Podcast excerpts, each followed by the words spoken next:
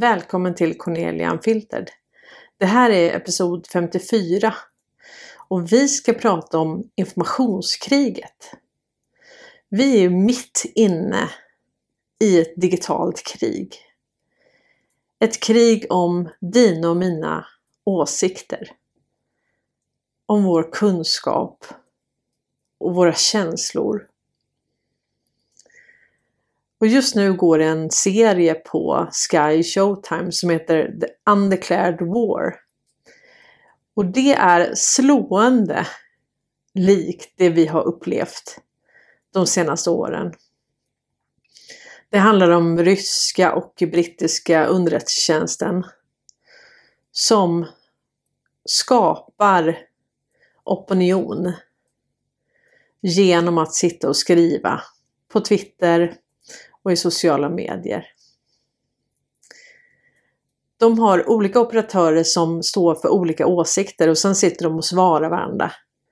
Och sen retweetas det här av Boots. Under pandemin så var det ju ett extremt bra exempel att se hur man försökte styra och kontrollera narrativet. Och vad var syftet då? Syftet var att människor skulle vara nöjda fast de var i lockdown. Eller att de skulle ta en spruta. Och på så vis var de tvungna att kapa båda narrativen för att få så många som möjligt att göra som man ville. Vi har ju en egen PSYOP-officer, Christer Jansson, som var presschef på Folkhälsomyndigheten. Och här står det så här i Dagens Media. FHM-chefens hyllning. Det är tack vare medierna som vi har nått våra mål. Folkhälsomyndighetens presschef Christer Jansson är mycket nöjd med hur medierna vidarebefordrat budskapen.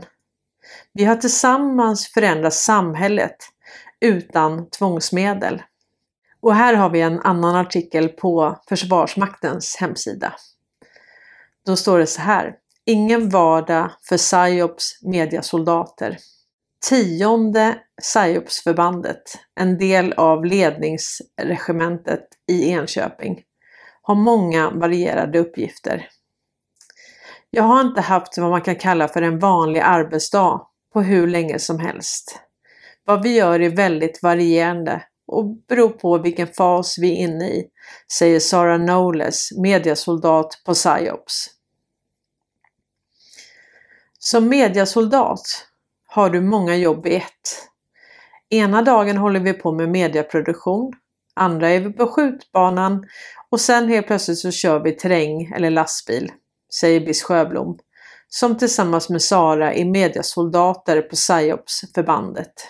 Och så står det så här. PSYOPs handlar om att påverka känslor, attityder och beteenden, vilket är viktigt för fredsskapande och i den moderna krigföringen. Ett sätt att göra det är att använda sig av affischer, broschyrer, radio och sociala medier. Så här skriver ju Försvarsmakten själva att det här handlar om den moderna krigföringen. Att det handlar om att påverka våra känslor, attityder och beteenden. Och det var det som Christer Jansson tyckte att man gjorde så väldigt föredömligt under pandemin. Man fick folk att göra precis det man ville genom att styra deras känslor. Och jag undrar hur många gånger du och jag har blivit lurade. Hur många gånger vi har retweetat en bot. Hur många gånger de har planterat känslor och tankar, narrativ i oss. Jag tror att vi har blivit lurade precis varje dag. Och sen kan man undra, men hur kan det komma sig att folk sitter och gör det här då? Ja, det ser man ju här. Du kan vara anställd på Försvarsmakten. Det är ditt jobb. Du måste ju ha en försörjning. Jag tror inte att det är noblare än så. Det handlar om att jag gjorde bara mitt jobb. Så om det här är någonting som underrättelsetjänsterna och militären och Säpo ägnar sig åt. hur många privata arméer finns det inte då? Hur många utav dem som vi känner är betalda från början? De spelar en roll i det här. Så om vi sitter och diskuterar med en bot eller en operatör, vilket som. Tror vi verkligen att de har känslor då? Har de mänskliga rättigheter? Har de rätt att komma in i vårt vardagsrum och kapa och ta över narrativet? Sprida desinformation och lögner och skrämselpropaganda. För de måste ju skrämma oss till att göra det de vill. Och varför kan man då vilja styra opinionen? Ja, man kanske vill ha en lagändring. Som i USA, man kanske vill införa vapenlagar. Är det då orimligt att tro att man kanske iscensätter en händelse med ett vapen som skapar en opinion att ah, nej, men vi kan inte ha vapen. Folk kan inte ha, gå med vapen. Och på så vis så kan man tvinga igenom en ny ändring. Eller till exempel som de gjorde i media. Det var väldigt många som dog av covid. Och då skrämde man folk till att ta vaccinet.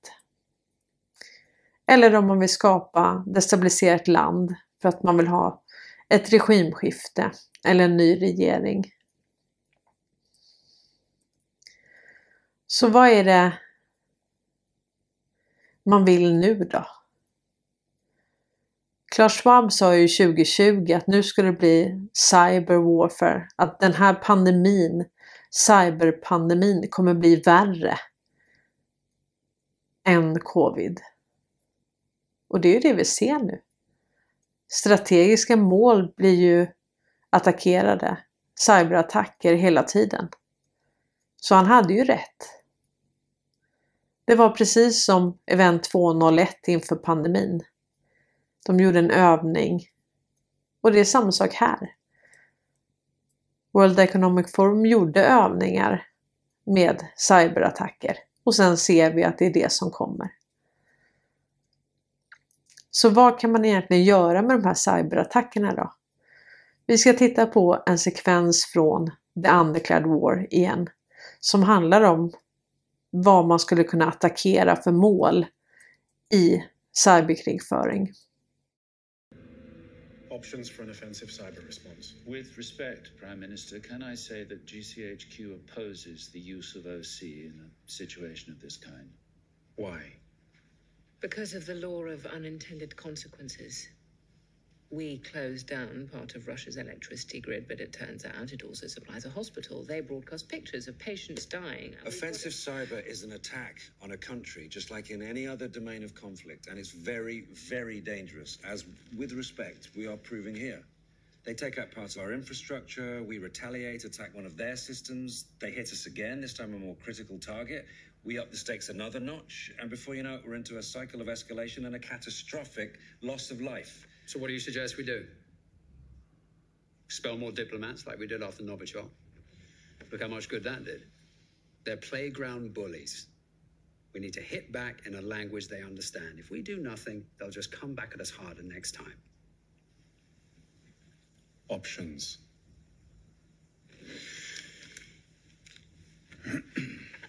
Well, we could turn off SWIFT to all their banks. That might be quite appropriate given the impact of their attacks on our cash machines. No. Okay, well, we could take control of Putin's car briefly. Flash the lights, accelerate and decelerate, that kind of thing. You can do that. Oh, yes. We could also drop his plane 20,000 feet mid flight. As a demonstration of power, that might be quite effective. Though they would almost certainly target our leadership in response. No. What else? I suppose we could fry all the lines into Glavset. Into what? Glavset. It's the source of most of Russia's Twitter propaganda aimed at the UK. We could shut it down. How long would that take?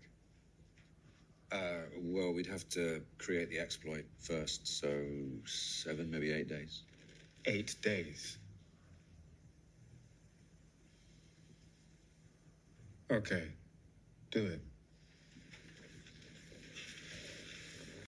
Jag gjorde tidigare en video som heter Kontrollerad opposition och den blev direkt bannad på Youtube men den ligger på Rumble. Och eh, den handlar om varför det är så viktigt att kontrollera båda sidorna av ett narrativ. Att kapa det. De vet vad slutmålet är. De vill uppnå det här och sen då så jämkar de med reflexiv kontroll och styr narrativet på båda sidor. Och sen har jag gjort en video om Looking Glass år 2012 om det här oundvikliga eventet som skulle komma. Som den här whistleblowern trodde var the great awakening. Att vi skulle få kunskap om saker som har varit dolda för oss. Lögner som skulle uppdagas. Så de som har dolt det här för oss har ju haft lång tid på sig att förbereda sig för det här kriget. Att använda reflexiv kontroll. De vet att det är oundvikligt men de vill såklart skademinimera. Så att det finns sleepers överallt. Det finns operatörer, agenter i våran rörelse. Det finns mängder med personer som är där av andra syften än vad du och jag är där för. Som får betalt. Som har ett uppdrag. Som har finansiering. Och som framförallt har en agenda.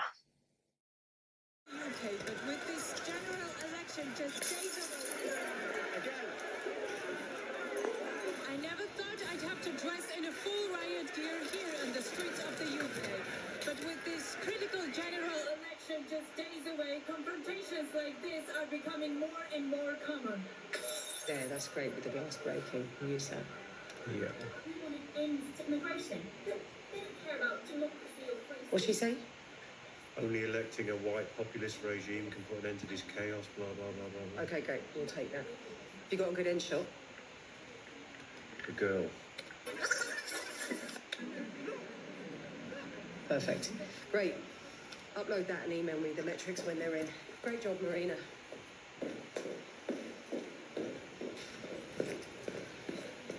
Excuse me? Steve, how did he know? Know what? He gave me the riot gear before there was any violence. He knew it was going to happen. Did we organize that counter demonstration? We organised both of them. What? Come on.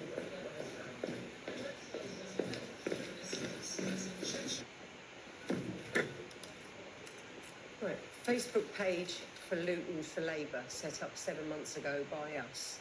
We tweet about it with our fake accounts, and then the bots retweet it thousands of times.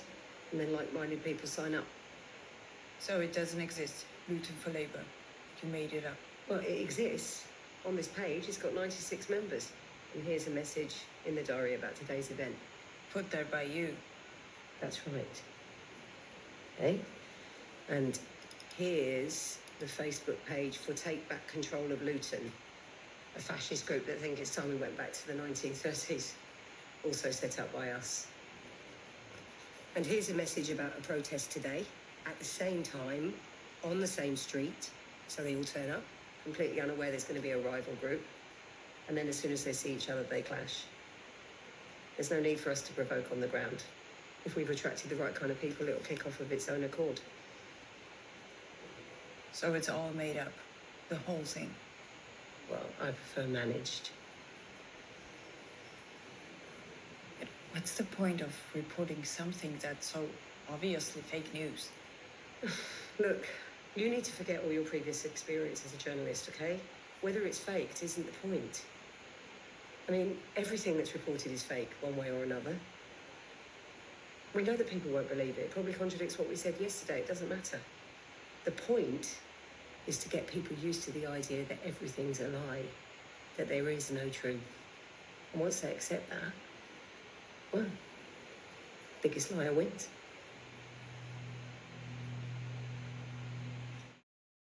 Så hur mycket du och jag än vill ha förändring, vi vill ha enighet, vi vill känna att vi har kommit någon vart. Så kan vi inte bygga en samhällsförändring på en lögn. Det går inte. För att det ska bli organiskt så måste det komma som en konsekvens av att vi har förstått vad problemet är. Vi måste enas kring en gemensam problemformulering. Vi måste förstå vad problemet är. Hur kunde vi bli så lurade? Hur hamnade vi här? Och vad ska vi göra för att det inte ska upprepas i framtiden? Vi kan inte bygga en samhällsförändring på en lögn och på skådespelare som är planterade. Jag tror inte heller att vi ska se oss blind på att vi inte förstår syftet. Vi vet inte varför de gör det de gör och därför vill vi inte tro att det kan vara så. Men det där kommer ge sig vad syftet är. Varför sprida skrämselpropaganda? Varför inte prata om någonting positivt? Varför inte prata om att det finns en motkraft till allt negativt vi ser? Varför inte berätta att det som sker just nu är att sanningen kommer fram mer och mer? Att allt det här exponeras ju för att vi ska se det och förstå det. Och vi ska inte heller vilja ha det. Vi ska vilja ha en förändring.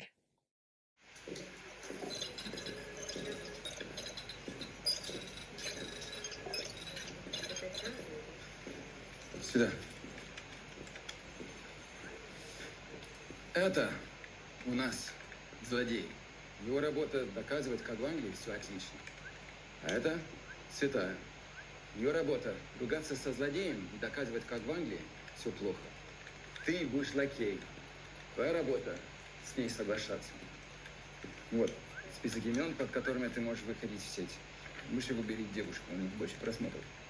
Когда аккаунт заблокирует, заведешь новый, она тебе покажет. Не забудь, что ты англичанин. Используй много английского сленга, окей? 80 твитов в день – это твой минимум. На работу приходить вовремя. Опоздаешь – штраф 500 рублей. Все.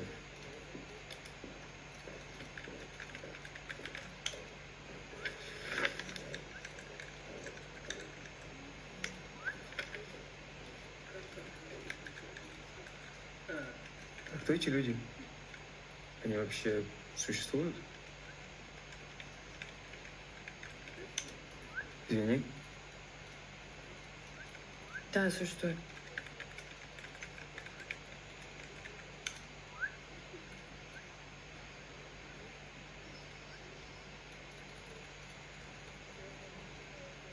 Это ты.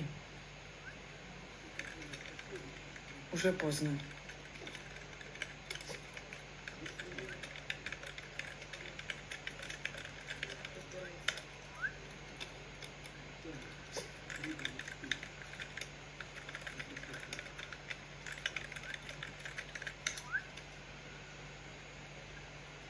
Сейчас.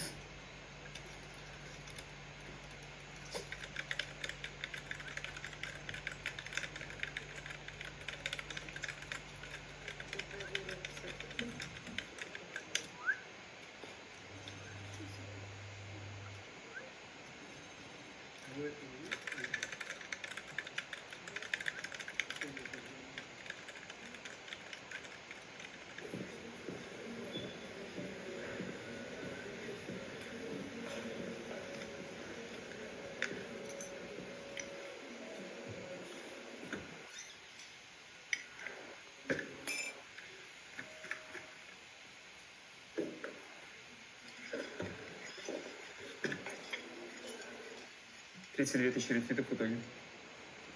Чего? Того, что мы написали. Они будут это делать автомат.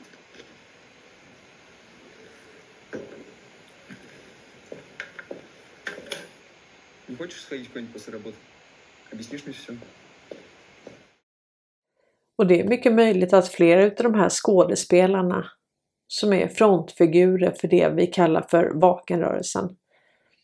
det är mycket möjligt att de spelar en roll i det här och att de kanske har till uppgift att exponera att de inte alls är på fel sida. Men vi kan inte bortse från den research vi har gjort och ta med det i beaktande, den nya informationen vi har fått. Och vara vaksamma. Så hur kan man då veta vem som är på rätt sida? Ja, det kan man inte. Det går inte. Däremot så kan vi förstå mer och mer och vi kan enas kring en problemformulering. Och Det kommer ge sig vem som är vad. Men vi kan inte veta det idag.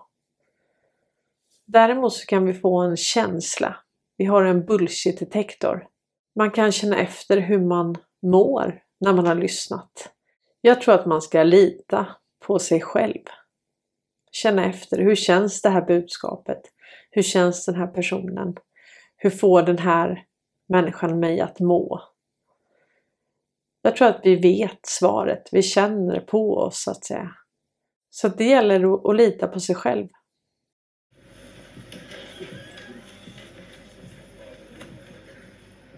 На первом этапе мы снижаем способность и решимость врага, А также дискредитируем его институты и лидерские позиции при помощи шпионажа, убийств, манипуляций в соцсетях, кибератак и подделка изображения с целью создания неразберихи, неудовлетворенности и хаоса.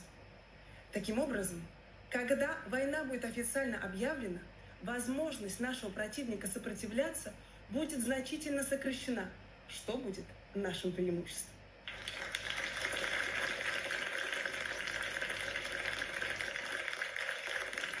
На этапе мы проектируем стратегическую ситуацию врага. Его отношения с союзниками фатально рушатся один за другим. Он остается без друзей. Он остается в изоляции. Таким образом, когда мы начинаем атаку, он абсолютно один.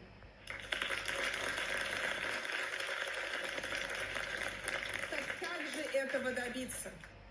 Война будет выиграна при использовании техники рефлексивное управление, которое предопределяет действия врага в пользу России. Мы определяем финальную цель – тотальное уничтожение врага. И потом проигрываем ситуацию шаг за шагом в обратном направлении до текущего момента. Информационные операции будут использоваться как гарантия того, что враг совершит именно тот шаг, который нужен нам. Информационные операции будут использоваться для того, чтобы на каждой фазе враг был уверен, что решение было принято им самим, в то время как оно было предопределено Россией. Это иллюзия свободы действия. На самом деле враг действует по пути, который выбрали для него мы.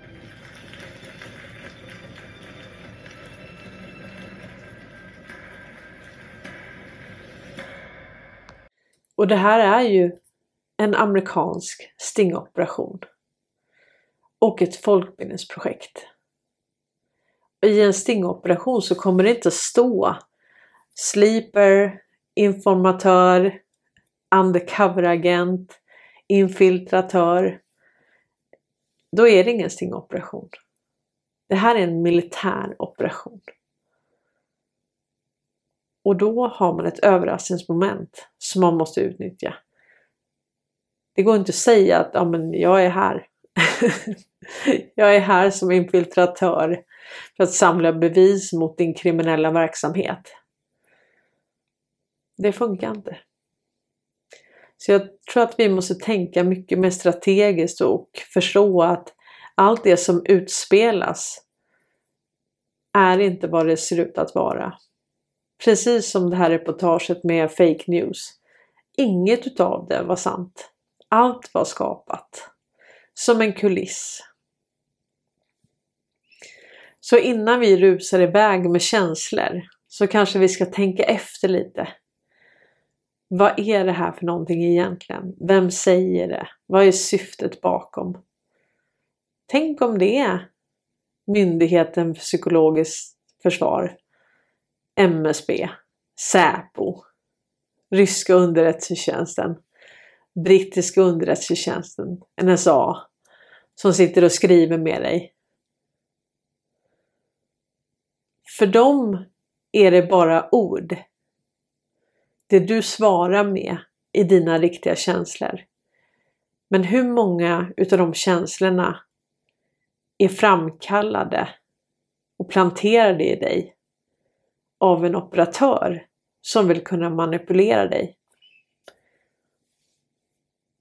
Det är en hisnande tanke, men jag tror att vi måste våga tänka den. Att inte lita på någon. Lita på sig själv. Och det ska inte finnas några heliga kor i det här. Utan vi ska dela research och alla ska tåla en granskning i det här. Inklusive jag själv. Och sen kommer det visa sig, som sagt, vem som är vad i detta. Om man har haft ett uppdrag, om man har haft finansiering. Vad ens syften har varit. Om det har funnits en agenda. Och jag tror att vi har blivit lurade. Många, många, många gånger. Det går inte att vakna upp en gång och sen tro att man kan se igenom alla lögner. För att det här är sofistikerat. De som luras, de är experter på det. Och vi har för lite kunskap, för lite intresse många gånger. Och vi kanske är lite för naiva ibland och tänker att vi tänker ju inte att det är en underrättelse operatör på andra sidan som skriver med oss på Twitter eller på Facebook eller vad det nu är. Men så är det. Och de har betalt för att sitta där. Det har inte du och jag. Och vi vet ju att Wallenberg har ju kontrollerat telekominfrastrukturen, internet. De har haft nycklarna till internet. Så de har kontrollerat transmissionerna. Vilket innebär att de har kunnat varit det sjätte ögat i Five Eyes. Så det är inte fem ögon i Five Eyes utan det är sex. Och det är klart att om du har det informationsövertaget hela tiden och du kan kontrollera narrativet. Du har Redbee Media med över 500 kanaler. Då är det inte svårt att manipulera opinionen dit man vill. Och Wallenbergs planläggning, det är inte fyra år. Det är liksom hundra år. Så det är på grund av Wallenberg som vi kallas Swedish Kings of Cyber War. Så de här cyberattackerna nu mot SAS och så vidare, alltså Wallenberg-företag, det tyder ju på att de inte längre har kontrollen. Tack så mycket att du har tittat. Tack att du gillar, kommenterar, delar och tack att du stöttar den här kanalen. Några länder i världen med stort inflytande har sagt att nu får det fan räcka.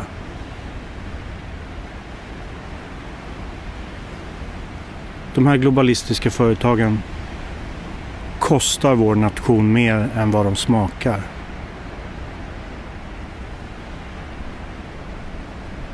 Och därför bedriver nu de här länderna som har tröttnat på enskilda vinstintressen så driver de en agenda att ändra på det.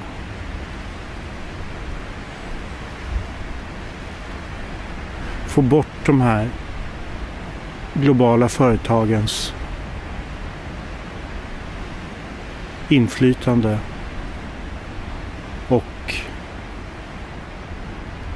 kontroll över hela världen, över resten av världen.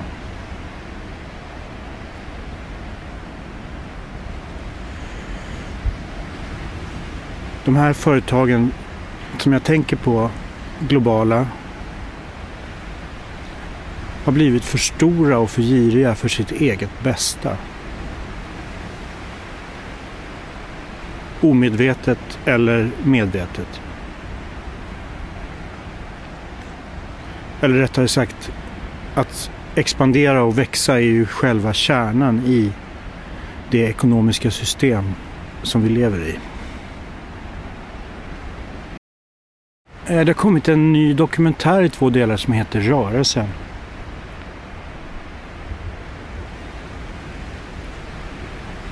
Vad vill SVT åstadkomma med den här dokumentären? Vill de skrämma bort eh,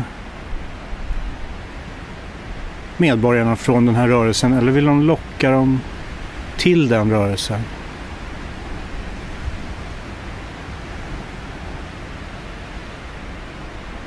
Och hur kommer det sig att just den här rörelsen får så mycket mediatid i SVT?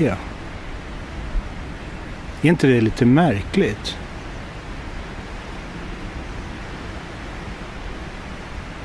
Tänk till exempel om SVT hade gjort en dokumentär om, om min film Protokollet.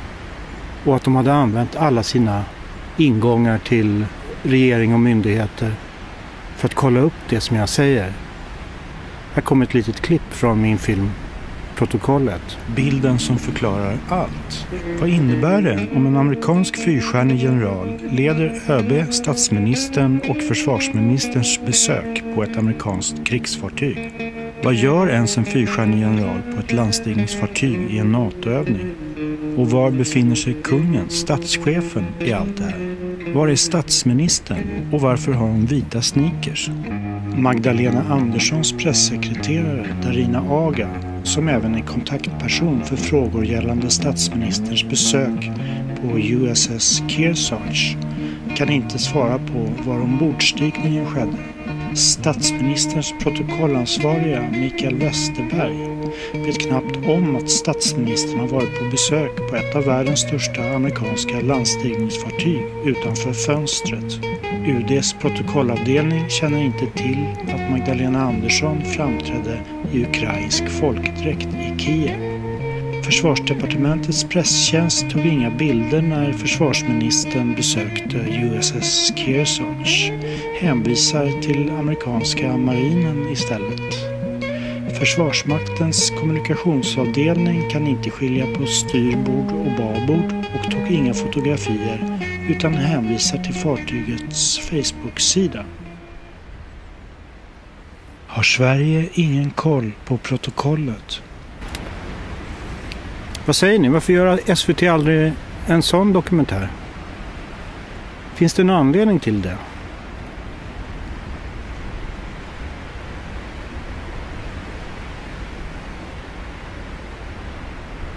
Kan hela den här rörelsen som är med i den här dokumentären vara en del av den statliga rörelsen?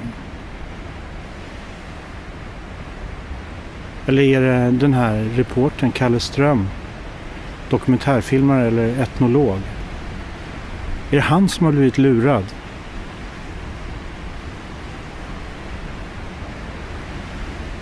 Jag vet inte.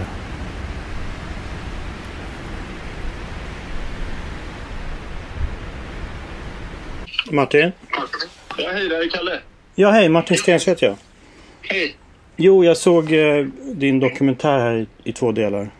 Ja. Och jag tänkte bara... Kände du någon gång när du gjorde den där att, eh, att det var lite märkligt att de var där precis när du kom och skulle göra en annan story?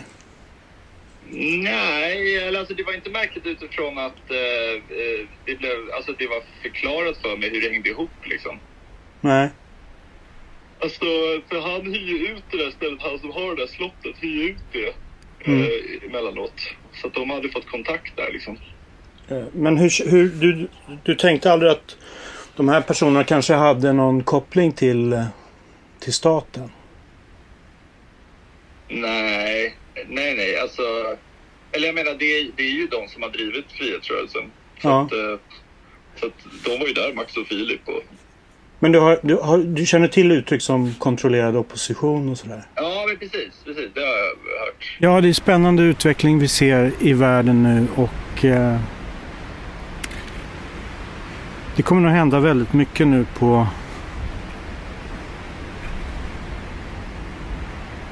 på bara den här veckan. Och det ska bli jättekul att se hur allting runt den här dokumentären Rörelsen utvecklas nu i veckan. Det känns som att den kanske är skapad för att exponera kopplingar mellan olika rörelser och stat och näringsliv. På temat vilken opposition